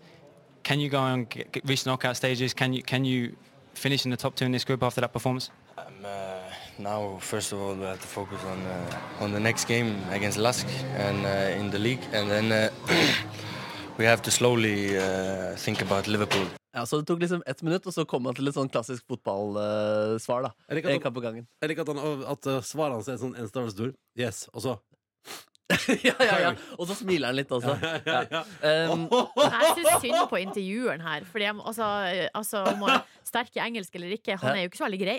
Han er ikke så veldig grei der. Også, sånn er- han bryr seg ikke, han liker ikke intervjuer. Og dette var også på en måte Viasat, den internasjonale Viasat, så dette intervjuet går ut til alle som følger med på Champions League og vil ser se på ja. postmatch-intervjuer. Nice. Ja, så, så han driter i det, han. Eh, og her er et ferskt intervju som han gjorde med VG mm, ganske nylig, hvor han da blir eh, spurt om rykteflommen. da Eh, Her er det på en sånn der, Det er ganske sånn vanlig svar, men vi hører også en ganske sånn underliggende entusiasme og villighet til å bidra i intervjuer. Nå snakker vi mange om storklubber, men tenker du fortsatt at du vil ta et mellomsteg før du på en måte går enda videre til de aller største klubbene i Europa, eller hvordan tenker du om måte veien videre? Nei, nå har jeg kontrakt i 2023, og det forholder jeg meg veldig godt til. Du, eh, kan det skje nå at du får et tilbud du ikke kan si nei til, nå som du er så på alles lepper? Nei, så jeg sa, jeg er kontrakt ut 2023, eller sommer 2023, og det er fokuset mitt. Skal ikke, skal ikke, det skal ikke være noen jokes der. Jeg skjønner jo at han ikke har lyst til å svare på om han eventuelt kan få et tilbud. Jeg skjønner det, men, Absolutt. men, eh, men det er Det er ganske vanlig å svare der. Ja, ja, ja. Liksom. Men- Så, det- så det er bare det- den der Når han har sagt at han ikke liker intervjuer, har gjort intervjuene, så skinner det på en måte det litt gjennom alle intervjuene han gjør. da Han der hata intervju. Ja, eh, Det er en VGTV også laget en reportasje med Bernt eh, Hulsker, hvor han besøker han i Salzburg. Og da hører vi egentlig bare slutten på den reportasjen her. Eh, dette tror jeg egentlig liksom Det virker liksom det er sånn offcam, men at kameraet på en måte fortsetter å gå. Eh, Så kan vi høre hva, hva, hva Haaland tenker på slutten av intervjuet. Er vi snart ferdige eller, med denne filmingen deres? Altså, nå kjenner jeg, jeg kjenner jeg er lei nå. Er du lei? Nå er jeg, nå er jeg drittlei. Et par minutter, kanskje? Ja, men vi, vi trenger ikke så mye mer. Ja. så, så han er ikke så glad i intervjuer. Er ikke vits, vet du hva, er ikke vits å sende mer og spørre om å komme hit en gang til. Absolutt ikke! Absolutt ikke Det er litt sånn som Det er han og så er det Martin Ødegaard som er litt, så, litt sånn passiv-aggressiv. Sist jeg så han på Dagsrevyen, så var det sånn der, Å, ja, hva passiv-aggressiv? Nei, for det var det sånn der, For da var det, øh, var journalister som spurte sånn Hva framtida, framtida, framtida, framtida? Og så er Martin Ødegaard sånn nå, nå, unnskyld, nå driver jeg og, nå driver jeg og signerer autograf her, OK? Ja, ja, ja. Det er så det er mye mer spennende å signere autograf enn å svare på spørsmål fra NRK. Det er, sånn Ja, ja, ja. altså, det, det, det er en gjeng som hater å prate med pressen. Ja, men det er ganske artig å tenke på at begge de to er 19 og 20 år gamle. De skal ha så mange intervjuer foran seg. De vil bare spille fotball og tjene millioner. Det er det de vil. ja, Hvem vil ikke? Du vil vel ikke spille fotball, du? Jeg vil ikke spille fotball. Så, men tjene millioner, det er vel koselig. Da skal jeg stilt opp i intervju resten av livet. Hvis jeg kunne tjent millioner. Eh, takk for at du ga oss et, et lite møte med, med verdens nye fotballyngling, eh, Markus. Ja, Vi kommer til å høre mye fra han. Eller vi kommer å lite fra han, men mange ganger framover. Ja, for det jeg tenker, Hvis han der skal overleve på en måte i den jobben, Ja. så er han jo nødt til å skjerpe seg. liksom Ja, han trenger jo ikke det. Han trenger jo bare å skåre mål. Jo, men han er jo beint fram uhøflig. Ja, ja, men Du er har mange idiotiske fotballspillere. Ronaldo Ja. er jo sikta for voldtekt, men han, eh, folk hyller han. Folk hyller han. Folk elsker han for det. om. Ja, ja. Er vi snart ferdige eller, med denne filmingen deres? Altså, nå kjenner jeg, for- kjenner jeg er lei nå. Er du lei? Nå er jeg, nå er jeg drittlei. Et par minutter, kanskje? Ja, men vi, vi trenger ikke så mye mer. Du hører P3 Morgen. Det har vært mye snakk om eh, snøkaos, men der har vi fått ei tekstmelding fra eh, Nina Alex som skriver det er ikke snøkaos, eh, i hvert fall på Rørvik, der hun befinner seg. Det er oppi, jeg måtte google det, oppe, eh, oppe ved Nord-Trøndelag. Mm. Så vidt jeg ser. Men de som befinner seg der det er snø, man kan jo ta en titt ut. Det er vel det som er Se regelen. utover glasset. Før du går ut og setter deg i bilen, eventuelt vurdere forholdene. Mm. Men en som kanskje ikke har vurdert forholdene helt og fikk seg en overraskelse, det var 76 år gamle Kyrre Grepp. Som eh, Kyrre Grepp, ja. han uh, var på tur da. Han har kjørt uh, ganske langt. Han, skulle, altså, han har kjørt fra Sør-Frankrike og skulle altså da ta siste etappe hjem til Norge om bord på Fjordline sitt cruise fra Hirtshals til eh, Bergen. ja. Men uh, der fikk han seg en overraskelse. Kan vi lese på tv2.no nå? Det er Bergensavisen som har denne saken opprinnelig. Hva var det Kyrre Grepp ble overraska over på uh, Fjordline? Nei, fordi der var det 700 ungdommer i halloweenkostyme på båten. Ja, det er negativt, da. 700 ungdommer i halloween-kostyme. Det ser konge ut. Ja, altså, uh, Kyrre likte ikke det her. Nei. Han uh, syntes at det var altså, rent for meget. Allerede der, altså i ankomsten, var det for meget. Altså, Ja. De var tilgrisa med kunstig blod, uh, og mange var så full at de ikke klarte å gå. Uh, og alle lugarene var altså utleid, så han måtte ta til takke med en stol. Så der satt han i en stol hele natta mens Mens ungdommen festa halloweenfest rundt han. Ja. Ja, ja, ja. Og Nei, jeg- vet ikke hva Kyrre Hva som hadde vært verst. Fordi altså, Der var det halloweenparty, men jeg så at eh, jeg fikk opp eh, på min, min Facebook-feed at eh, nå i helga har det vært altså Wheel of the 90s-fest på Fjordline. Ja. Eh, Så spørsmålet er jo hva som hadde vært verst. på en måte For der var det Men jeg så på, altså, på Wheel of the 90s Der var det altså Det var Hadaway eh, spilte, og Ja. det var vinsmaking med Infinity Kjell. Så ser det sånn konge ut! Nei, altså, jeg tenker at Hvis man har kjørt gjennom eh, nesten hele Europa og forventa seg bare en rolig eh, Altså et rolig, en rolig lugar med ei seng, og så skal man bare dune den inn til eh, Norges eh, kyst, så tenker jeg at kanskje både halloweenfest og We Love the 90s Cruise Er too much, ja. ja, det er altfor mye. Men, men Kyrre Grepp her på 76 år Ja. Han klager han til avisa på at han ikke sjekka at, om det var halloweenfest først. Ja, eller altså Jeg vet ikke helt hvordan han skulle Altså Han har jo bare gått inn og bestilt Kjøpt en billett på Ja. nettsida Så han eh, skulle vel kanskje ønske at det var opplyst Ja. Om altså, eh, altså, at en eller annen plass sto det I hvert fall der han har bestilt billett Opps, opps, det er Ja. Halloween-student Bare så du vet det, det er studentcruise med halloween-tema. og der sier Fjordline at uh, det kunne de vel normalt uh, ha gjort, men han, her, sånn, så langt vi kan se, ble din reise booka dagen før. Ja. eh, eh, samme dag som studentcruiset starta. eh, sånn at vi rakk ikke å kontakte deg, sier de da. Ja, sånn, ja. Eh, så de fikk liksom ikke Og- tid til det. Du, så jeg, båten er egentlig, altså det er egentlig studentene som har leid båten på et vis. Det virka jo sånn. Ja, og så har eh, Kyrre blitt med opp igjen da, fra Hirtshals. Ja, Ja, nettopp. Nei, du skulle tatt broen, du, Kyrre. Du skulle tatt broen over ja, fra Danmark til Sverige. ja, der, du og- skulle det, altså. Ja. Surprise! Studentparty! Ja. Nei, for han er jo ikke Han er ganske hard i sin kritikk her. Altså, de var kanon dritings. De aller fleste rava rundt i båten med brennevinsflasker i hånden, hylte og skreik. Ingen mulighet til å få et rolig måltid. Jeg flykta inn til liggestolene, men de kom etter. Er det her det er fest? Er det her det er party? Og lydnivået økte altså utover natta. Jeg søkte hjelp i resepsjonen. Ingen der kunne eller ville hjelpe. Han har hatt det helt forferdelig. Men, men Kyrre, kanskje du skal bestille lugar på forhånd neste gang, da? At du ikke bare dukker opp Ja, der. god tid i forveien, ja. Og så tenker jeg, men jeg skjønner eh, Altså, jeg forstår kritikken. Altså. Jeg, var, jeg var på studentcruise med Color Line eh, fra Når jeg studerte i Halden, faddercruise for Ja. alle fadderne, og det vi, ble, vi fikk ikke lov til å komme tilbake til Color Line. Nei. De ga beskjed fra Høgskolen i Østfold og sin faddergjeng uønska her i framtida. Nei. Eh, men eh, Så, så den, den ser jeg. Den ser jeg. Det var, det var, det var, det var, det var hardt, det. Rava dere rundt med brennevinsflasker i eh, handa og ropte 'er det her det er party'? det er fort fare for at det var akkurat det vi gjorde. Ja. Jeg husker at jeg satt og drakk sprit på, på lugar, iallfall. Så det, og at det var disko til langt på morgenen. Ja, ikke Ja, fikk ikke med meg mye, jeg fikk ikke med meg så mye av den stoppen i Danmark. Det gjorde ikke jeg. Hvor, hva, hvor var du da? Nei, det lå på lugaren og sov, ja. Ja, ikke Men sant. jeg, me- jeg mener at jeg har hørt sånn Da har vi lagt i kai, og så er jeg sånn Det får bare være. jeg blir her inne. Det går bra. Våkner på vei tilbake igjen til Norge.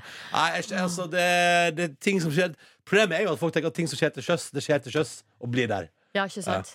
Men ikke når det kommer en, eh, en litt eldre kar på. Som har vært, og, vært på tur Ja. på kontinentet.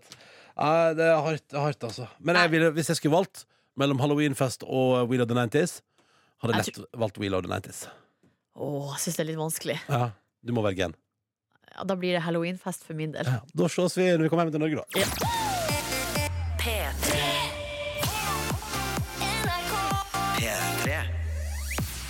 Men nå, Else, skal vi inn i kjernen eh, på din hjerne. Vi skal kjøre en eh, 60 sekunder ja, En eh, 60 sekunder her der vi skal få høre eh, på en måte det, det, det, du kommer, det du tenker på med en gang når jeg sier noen ord her. Du ser streng ut nå.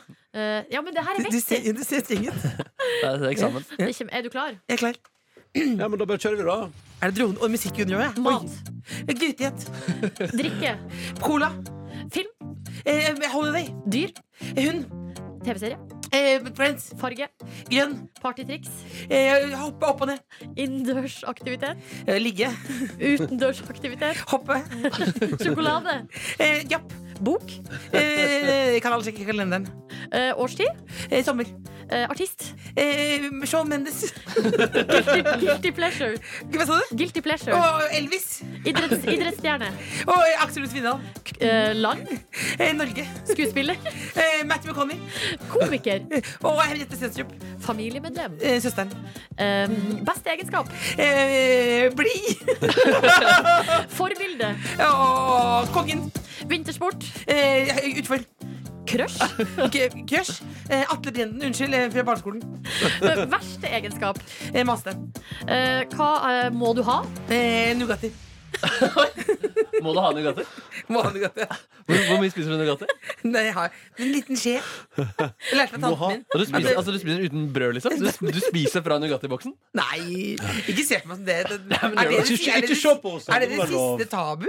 Er det det? Ja, det, det, det, det, det, det. Ja, men Jeg det synes om Nugatti. Må du lage neste gang, da? det var en sånn personlig trener som sendte en melding til meg faktisk nå i går på, inn på Instagram som var sånn Skal vi ta tak i helsen din? Og da svarte du bare Nei, jeg, jeg, tenkte, jeg tenkte bare det, det, det, det skal jeg svare på, tenkte jeg. Men jeg venter en dag. Ja. Ja. Atle Brenden, hvem er han? Nei, men det, det, det, vet, vet du hva? Det angrer jeg på. Eh, eh, for, for det Var det på crush? eh, Det var på Crush, ja. Du- du- Atle Brenden fra barneskolen, hvem er han? Nei, vi, skulle, vi skulle gå tilbake til eh, kjernen. gå, Kjernen valnøtten, som bestemor kaller hjernen. Eh, og da gikk jeg tilbake, og jeg, jeg har fått, jeg har fått eh, det, det var to eh, på barneskolen som jeg eh, spurte om og om, om, om igjen. Og det, det, den legger vi død, uh, Ja. som Jon Almaas sier. Hva det driver uh, Atle Brenden med nå? Atle Brenden vil ikke ha noen oppmerksomhet. Uh, det er, altså, jeg, kan, jeg kan heller hive den til i potten. Atle og Einar, uh, dere vet hvem det er. Vi hopper jo ved etternavn. Eh, eh, Brenden og ukjent. og, og Einar Bratt. Eh, altså, de var- Brenden og Bratt, kødder du? Det, det var de søteste guttene på barneskolen. Ja. Som jeg spurte kanskje seks, syv, åtte ganger. Hadde de drag hos andre damer også? Det var en kø. Det var en kø. men det er gøy at du svarer på mat gryterett. Ja. Eh, fordi, Hva slags type gryterett? Chili con carne. Oh. ja, fordi alle andre altså Biff nesten, stroganoff. nesten 100% svarer taco der. Å, ja. Eh, så der er du helt unik, Else, som går til Gryterett. gryterett. Det er også vanskelig å si, så det var et rart valg. Ja. Ja. Men det, det, Gryterett. der du på ingen måte er unik, det er på Friends som TV-serie. Men det, men det er jo, man blir jo skuffet over hjernen sin også. Alt som har blitt nevnt i løpet av de siste døgnene, er jo som popper opp. Ja. Og så har jeg hatt en japp, nevnte jeg. Jeg har hatt en japp, en sånn dobbeltjapp i jakka. Dobbeltjapp, Eh, Ja, Markus, forstår ikke fenomenet. med- Jeg pratet om dobbel snickers i stad. Forstår det ikke. Jeg tror jeg bare tenker på det som en, en, en enhet. På en måte. Men du tar én, og så venter du litt. Tar den andre etterpå. Ja, Men du, på partytriks var det hoppe opp og ned. Ja, det var svakt. Det var svakt. Men Men, det da, sånn da, men og da var jeg oppe ja, Å, hjelpen. Hjelpen, hjelpen lever. Hjelpen lever. Nei, det var jo Jeg er veldig opptatt av tid her, da. Veldig opptatt av å bare hoppe ut. Ja, fordi, hva, hva med Elvis? Elvis. Ja, det, det liker jeg godt. Hva er din favoritt-Elvis? Det er juleplata til Elvis, da. Ja, kan Har du en god Elvis? Uh-huh. Har du en god Elvis? No, nei, det, det, det, er, men det er jo Men det går, blir rørt, liksom. Blir rørt. Blir du det, Elvis, ja, ja. Det blir Nei, sånn, så var det- så I have Blue Christmas Without You, ikke det han synger? Ja, jeg vet ikke, men egentlig er det også pga. matet. Han hadde den Elvis-kokeboka. Eh, som er da Hvor, hvor det er sånn verdens høyeste smørbrød og sånn. Ja, min det Det snakka til ditt hjerte. Det snakker til mitt hjerte. Overraskende nok. Å, men det er koselig å se for deg deg spise skuffende, griserett og skuffende personlig. Nei, men vet du, vi fikk hvert altså, du, Jeg tror du er en av de som har klart aller flest her. Ja, det var uh, så det er imponerende. Uh, Innendørsaktivitet, ligging. Ja, det tøffer meg. Jo, men da mener du med ligging på sofaen, liksom? Ja, det, Det er ja, det det, det det, ja, ja. Ligger i horisontalen, da. Ja, ja, ja. Helt av. Nå, eh, må jeg gå hjem. Jeg hørte det på deg. Ja, nå, eh, nå setter vi strek. Kan jeg bare si en ting til? Ja. Eh, eh, unnskyld til Atle. Eh, det var ikke Atle meningen Brenden? Altså de var å nevne eh, men, det, men det er jo bare noen altså, Akkurat som i 90-tallet, da var det noen store symboler, liksom. Det var New Kids on the Block og sånn, og så er det noen var det veldig søte ja, Ikke sant. Og Erik, var det Erik Bratt? Eh, Einar Bratt. Einar Bratt. Men, men eh, har du sjekka om Bratt og Brenden er altså, up for grabs i 2019? Jeg har gjort det, og jeg har fått beskjed om å ikke nevne det. Alle er godt gift. Ok, da legger vi den død. Da legger vi den død. Ikke Unnskyld. noe mer Bratt og Unnskyld. Nå. Unnskyld, unnskyld. Eh, Else Kåss Furuseth, tusen takk for at du kom til P3 Morgen i dag. Åh, tenk å få fylleangst så tidlig om morgenen. Ja, ja, Deilig. Uten være full. Skal vi gå nå og ta oss en liten gliter etter? Bare ligge rett ut? Hører på litt Elvis? Sette på litt musikk her og bare forsyne oss med chili con carne. Du hører P3 Morgen. Og Forrige uke Markus Neby, så var du altså så skeptisk. Ja, fordi jeg leste en eh, sak på nrk.no om at det har kommet en fugl til Norge som heter konglefuglen. Eh, konglefuglen. Eh, og så var det bare en ganske vanlig fugl, eh, litt større enn en dompap. Eh, så ble det da prata med en fuglekikker som heter Simon Rix, og det var der jeg ble skeptisk. Eh, fordi jeg kan ikke skjønne Eller jeg tror at fuglekikkere skjuler noe, da. At de egentlig møtes i skauen, og så er de utro mot eh, konene sine. Eh, men nå har jeg i hvert fall tatt eh, bilen opp til eh, Holmenkollen, eh, kjent for eh, rike mennesker og skistadion. Eh, til høyre høyre for meg ser jeg en staver, så da ser jeg et kapell, da, Holmenkollen kapell, og så ser jeg. Frogner stadion. Det er mye, eller eh, Holmenkollen hoppebakke, hoppbakke, og så er det mye tåke her, og så har vi gått nå litt inn i skogen. Litt sånn som jeg har sett for meg at det er det fuglekikkerne gjør. De, går- de parkerer bilen, og så går de noen hundre meter opp en bakke, og det er, det er snø her også, som dere, som dere hører. Ja. Eh, videojournalist eh, Daniel har allerede sklidd. Nei. Og da til høyre for meg da, så har jeg fått med meg da selveste Simon Rix, som uttalte seg i NRK-saken til, og som jeg da var, eh, var skeptisk til. Simon, du, eh, du elsker fugler. Ja, jeg elsker fugler. Riktig. Hva, hva er det med, med fugler og fuglekjekking som eh, gir deg så mye glede? Ja, fugler er helt fantastiske skapninger. De gjør utrolige ting. Og livet blir rikere når du har kunnskap og kjennskap til alt som er rundt deg. Når de går tur i, i mark eller, eller i byen. Men sånn, du bare Venner du deg ikke til at det er rundt deg hele tiden? Eller altså sånn, hvor, hvor ofte får du glede av å se på fugler som man ser på gata? Bestand, bestandig. Jeg mener det. Ja, ja, ja. Jeg går alltid rundt med Jeg har alltid kamera eller kikket med meg, og jeg, hø, jeg hører alltid fuglene. Ja, nemlig. Kanskje ikke nå, men, men vanligvis hø, Du hører fugler hele tida. Ja, fordi du har en kikkert med deg, og det å gå med kikkert inn i skogen sånn, det, det, det virker jo også litt suspekt, spør du meg. da. Eh, Men, Ja. men, men du, du, det er altså fugl du ser, og hvordan på en måte finner du fuglene du er ute etter? Nei, mest, jeg finner det mest pga. lyd. Jeg hører dem, og så ser jeg dem. Og jeg, jeg snakker med venner som har sett fugler, så jeg vet, jeg vet ofte hvor jeg kan reise for å se en fugl. Jeg har en app på, te, en app på telefonen, så jeg får det plinger hele tida, og jeg vet hvor, hvor jeg kan se fugler. Hvor det er, hvor det er fugler? Ja, sjeldne fugler. ja. Ja, så det, er, det, er liksom, det er sjeldne fugler primært. liksom. Det er ikke, liksom, du syns ikke kråker er fett? Det er fugler som er fettere enn kråker. Ja, ja, ja. Men ja, sjeldne fugler. Det, det, det, det, det er en utfordring å identifisere fugler. Og hvis du vet at den fuglen finnes vanligvis i USA, og du ser den i, i Norge, da, da er det kult. Da er det, du får en adrenalinkick ut av det. Du får adrenalinkick av å se på helt vanlig fugl? Ja, ja, ja. Men fordi den uh, fuglen som kom til Norge nå, den konglebiten, den, altså, den, er, den, den ser jo ikke Det er ikke en ørn, liksom. Nei, men Nei, det er ikke det. Men den, hvis vi ser det nå, kanskje vi Ja, ser den for nå har vi beveget oss bort mot en eh, spot der hvor det skal være rognebær, og det liker denne konglebiten. Ja, så den er, den er en, Fagen er den er vakker. Du, du så på et bilde ved en, litt, en kjedelig ungfugl, men, men hannen den er veldig rød, den er veldig fin. Og den kommer fra Russland. Den, den burde ikke være her. Så det, det er veldig kult i seg selv. at En fugl som burde være i Russland, plutselig har dukket opp Mange hundre av dem har dukket opp rundt Men det er vanlig. I Russland er den vanlig. Ja, ja i Russland er den vanlig, men ikke i Norge. Ikke i Ok, artig. Nei, men Da skal vi se om vi klarer å få se noen konglebit. Jeg merker nysgjerrigheten vokser litt. Jeg tror ikke vi skal være utro mot hverandres partnere. Eh, men, men eh, til hva, hva, he- partnere. Nei, hva- hva heter den appen, eh, appen du bruker? Ja, Birdalarm. Hæ? Birdalarm. Birdalarm. Bird alarm! Hvordan fungerer den egentlig? Eller hva, hvordan Hvis jeg ser en sjelden fugl, så skriver jeg en melding og trykker på send, og så klinger det på alle de andre sine telefoner. Så dere fuglekikkere har deres egen app? Ja, ja. Der kjente jeg at jeg ble litt skeptisk igjen. Men, da skal vi- Ja, Da har vi funnet eh, plassen hvor vi skal eh, komme ut, så da skal vi høre en låt, Simon. Og så må du spare, spare entusiasmen. Men jeg, jeg kjenner jeg er nysgjerrig her. Ja, vi hører Aurora først, og så kommer vi tilbake til Simon og Markus ute på fuglekikkert.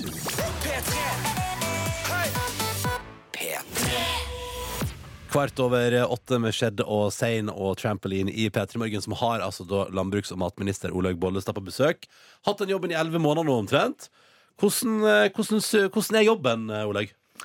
Jeg stortrives i jobben, eh, både fordi at jeg er kjempeopptatt av at eh, vi skal ha et landbruk i hele landet, men òg fordi jeg mener det er en så viktig jobb å bruke de ressursene vi har. Eh, verden trenger mat. Vi har det skjevt fordelt rundt om i verden. Og da er det viktig at vi bruker vår teig til å produsere det vi kan. Ja. Og at det skal gjøres på en god og bærekraftig måte i forhold til klima og i forhold til bruk av ressurser og alt det. Hva tenker du om at vi kaster så mye? Fordi Det er har- helt forferdelig, egentlig. Ja. For det, det, i verdenssammenheng så, så betyr matkasting altså ganske stort klimaavtrykk på 8-10% Det er jo vanvittig. Ja, det er mer enn den flyskammen man prater veldig Ja, masse om, da. ja. Vi kaster jo mat tilsvarende veldig mye mer, på en måte. Ja, og, Da, og da har vi en utfordring til faktisk både å ha fokus på det. Så i går var jeg eh, på noe som heter Matsentralen, der unger, unger som nå kommer med matpakken, det er ingenting inni. Sant vel? Kan vi gi vekk noe av den maten som faktisk er fullt brukende, på en god måte til de som trenger det aller mest. Og det er det vel ufattelig mange rundt om i landet vårt som gjør. Mm. Eh, og så må vi tenke på hva vi har hjemme i kjøleskapet sjøl. Og vi har det annerledes. Jeg handler jo fortsatt som jeg skulle ha fire unger boende hjemme. Av og Ja, sant. Ja, ja? Og da må du snu litt om i hovene våre, og det prøver jeg å gjøre. Sånn politisk, da, hva tenker du at du kan gjøre? Som, du er jo den som er øverst i, i akkurat den bransjen for tida. For det første så, så må vi jo styre vårt landbruk, at vi ikke produserer mer enn det vi klarer å ta unna i vårt eget marked, eventuelt selge ut det vi ikke har bruk for. Men det andre er jo at vi som forbrukere òg er bevisste hvordan vi, hvordan vi eh, bruker og kjøper maten. Men de imellom der òg, de som foredler maten, de som gjør, lager burgeren til oss, eller, eller sauekjøttet som, som prisverdig NRK har tatt tak i, eh, de òg må være med og bidra til at dette kommer ut i markedet. At de leverandørene ute faktisk legger det i hyllene, Mm. forteller oss hvor godt dette er, sånn at vi ikke bare går i den vanlige disken og finner den vanlige varen vi alltid har gjort. Mm. Hva, eh, hva er det Jeg er bare nysgjerrig på, på hjemmebane når du og Larkins eh, skal kose dere skikkelig. Hva, eh, hva, hva, skal, hva disker matministeren vår opp med til middag hvis det skal være skikkelig festmåltid? Det er ikke alltid at det er jeg. Hvis jeg kommer hjem, så det- så kan det godt være at Larkens er veldig god til å lage mat. Ja, men Du har noen bilder av at han står i baris og kokkelerer litt på kjøkkenet der? Ja, ja, det, Han er, han er, ja, det gjør han jo. Han blir jo så varm over den varme komfyren. Ja, ja, ja. Eh, Så han skal være glad at han ikke selv, at ikke hele mageflesket går oppi der. Men, men, eh, eh, ja, men, men, men når det er sagt, så eh, Det er litt sånn forskjellig. Det, jeg er jo eh, en kveld bare med, med, med reker, syns jo jeg er, er godt hvis jeg er i det humøret. Ja. Mens andre, og da ferske reker, selvfølgelig. Jeg syns jo det er best. Men, men andre ganger så kan det være ei god lammesteik som jeg har eh, um, tok og smør på god honning som blir, blir litt glasert og steiker lenge så det smelter i munnen. Det kan jeg Mm. godt gjøre med, med stuning av sopp og fløtegratinerte poteter og you know it. Det vi snakker litt da. Ja, ja, vi, er, vi er veldig glad i å snakke om mat, så det her eh, Middagstips. Middagstips. taler til oss. Men du, eh, hvordan eh, har det vært det, det, eh, det er vel ingen understatement å si at eh, KrF har vært gjennom et noe turbulent år, eh, Olaug. Hvordan har det vært? Eh, alltid så er sånne prosesser grassat vanskelige, fordi at du skal på en måte ta et valg. Og det var vi helt enige om, vi tre som satt i ledelsen da, at det skulle vi gjøre. Og så velger vi litt ulikt, og det skaper alltid utfordringer. Du skal gå helt ned i lokallag, i fylkeslag, og du skal møte folk ansikt til ansikt. Men jeg opplever at nå, nå når det har gått eh, alle de månedene etterpå, så Mm. begynner vi å samle lag igjen. For vi er opptatt av vår egen politikk, men det har vært kjempekrevende, og jeg gjør det ikke en gang til. Du gjør det ikke en gang til, nei? Jeg gjør det ikke en gang til. Har du noe kontakt med Hareide utover altså, sånn, på det personlige plan? Ja, jeg er veldig glad i Knut Arild Hareide. Eh, Jeg kan godt sende en melding til han, men jeg kan godt sitte og snakke om ganske dype ting. Så jeg har ingen, overhodet ingen, eh, vonde følelser i forhold til Knut Arild. Men eh, en ting jeg lurte på, eh, Olaug. Fordi eh, da det ble bestemt Altså da han skulle gå av, Knut Arild, eh, så var det jo snakk om hvem som skulle være den nye lederen i KrF. Eh, Og da var jo du også nestleder. Men hvorfor, hvorfor var det bare Ropstad, Ropstad, Ropstad, og ikke Bollestad?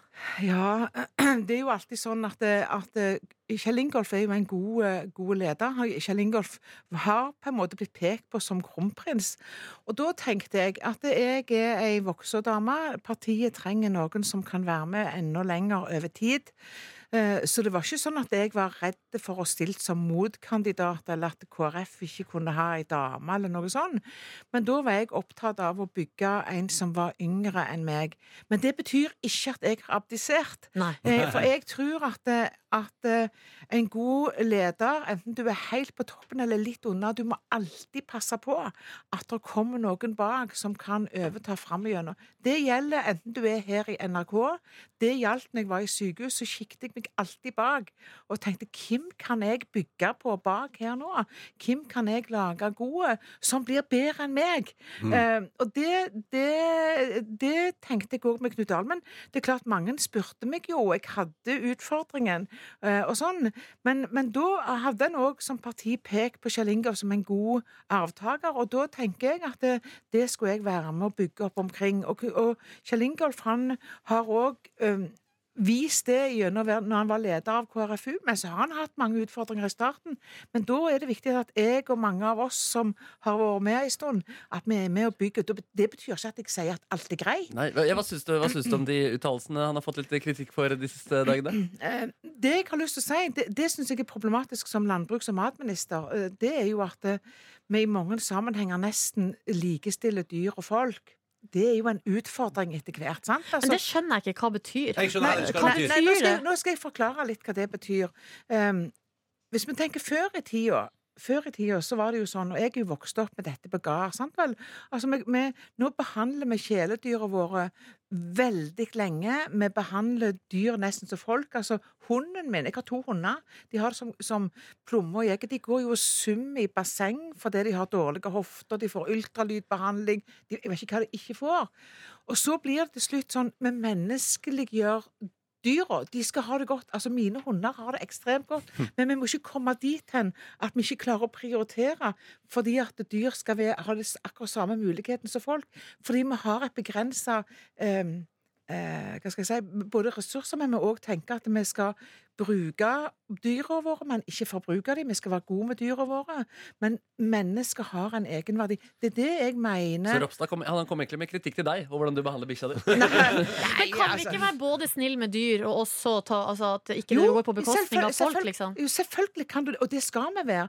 Men det er når du menneskeliggjør dyra. sant? Altså, vi har jo hatt en diskusjon på skal vi gå på jakt eller ikke gå på jakt. Skal vi bruke fisk, ikke bruke fisk? Det er reelle diskusjoner i samfunnet Ja, vårt. men, ja, men er, er det det? For, jeg, jeg, for det er det som er jeg, tror, jeg bare Jeg forstår ikke hva dere er redd for. Nei, det er vanskelig å forstå, for det er vanskelig å, å, å kommunisere. Sant? Men det er jo diskusjoner som har vært i mange år. Blir, ta, ta for eksempel når vi snakker om dyrevelferd i et kyllinghus, da. Ja. Det skal du ha veldig bra. Men når du begynner å menneskeliggjøre legene til kyllingen, skal være nesten som babyene, eller gå til reklamen hvor vi bærer dyr som om det skal være folk. Sant? Altså, det gjør at du menneskeliggjør dyra på en måte som gjør at du degraderer mennesket ditt, og så lufter du dyra til å bli på en måte akkurat det samme. Og jeg tror at dyr er noe annet enn folk, men jeg mener vi skal ivareta begge deler. For å si det sånn. Men det er en vanskelig debatt. eh, Fordi at Men Syns du han har uttalt seg bra nå, når han har blitt så mye misforstått? Eller, som Nei, altså, men jeg mener vi må klare å diskutere dette uten å gå i grøftene på begge sider. Vi må klare å diskutere hvordan vil vi det skal være. Skal vi, skal vi ha et samfunn hvor vi som mennesker skal forvalte og ikke forbruke det vi har rundt oss? Og det er jeg ganske opptatt av. fordi hvis vi bruker, så bruker vi det riktig. Hvis vi forbruker, så overforbruker vi og ødelegger både for dyr og folk. Og den debatten, å klare å ta den, er grassat vanskelig. Men jeg mener vi må ta den av og til. Eh, sant? Altså, hvor, eh, eh, altså, vi har lagd eh, eh, Hva skal jeg si? Vi har lagd eh, de samme ordningene rundt dyr som rundt folk. Og det gjør at vi kommer i en situasjon hvor det noen ganger blir vanskelig å velge. Altså, Vi har fått alt fra gravplass, krematorier altså alt Ja, bare se på sånn. USA, der har de en gris som president! Jo, ja, det- Satire! Men- da Satire!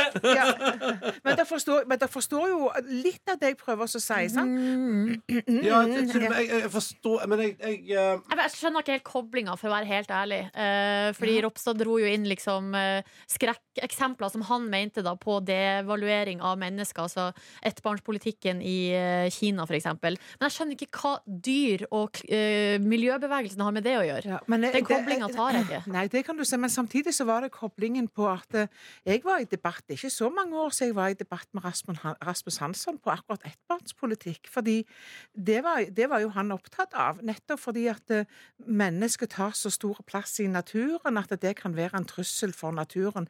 Det er jo en del av den diskusjonen som, som Kjell Ingolf prøver å lufte da, sant?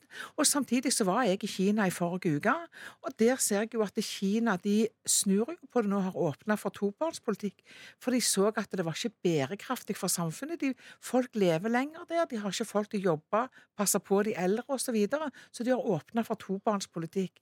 Sånn at det, den diskusjonen eh, Men så tenker jeg at det, Kjell Ingolf hadde ingen, sånn jeg har opplevd det, eh, mening at han skulle ta Une Bastholm eller skulle ta et parti. Men det er den debatten han prøver å lufte, som jeg mener er en viktig debatt.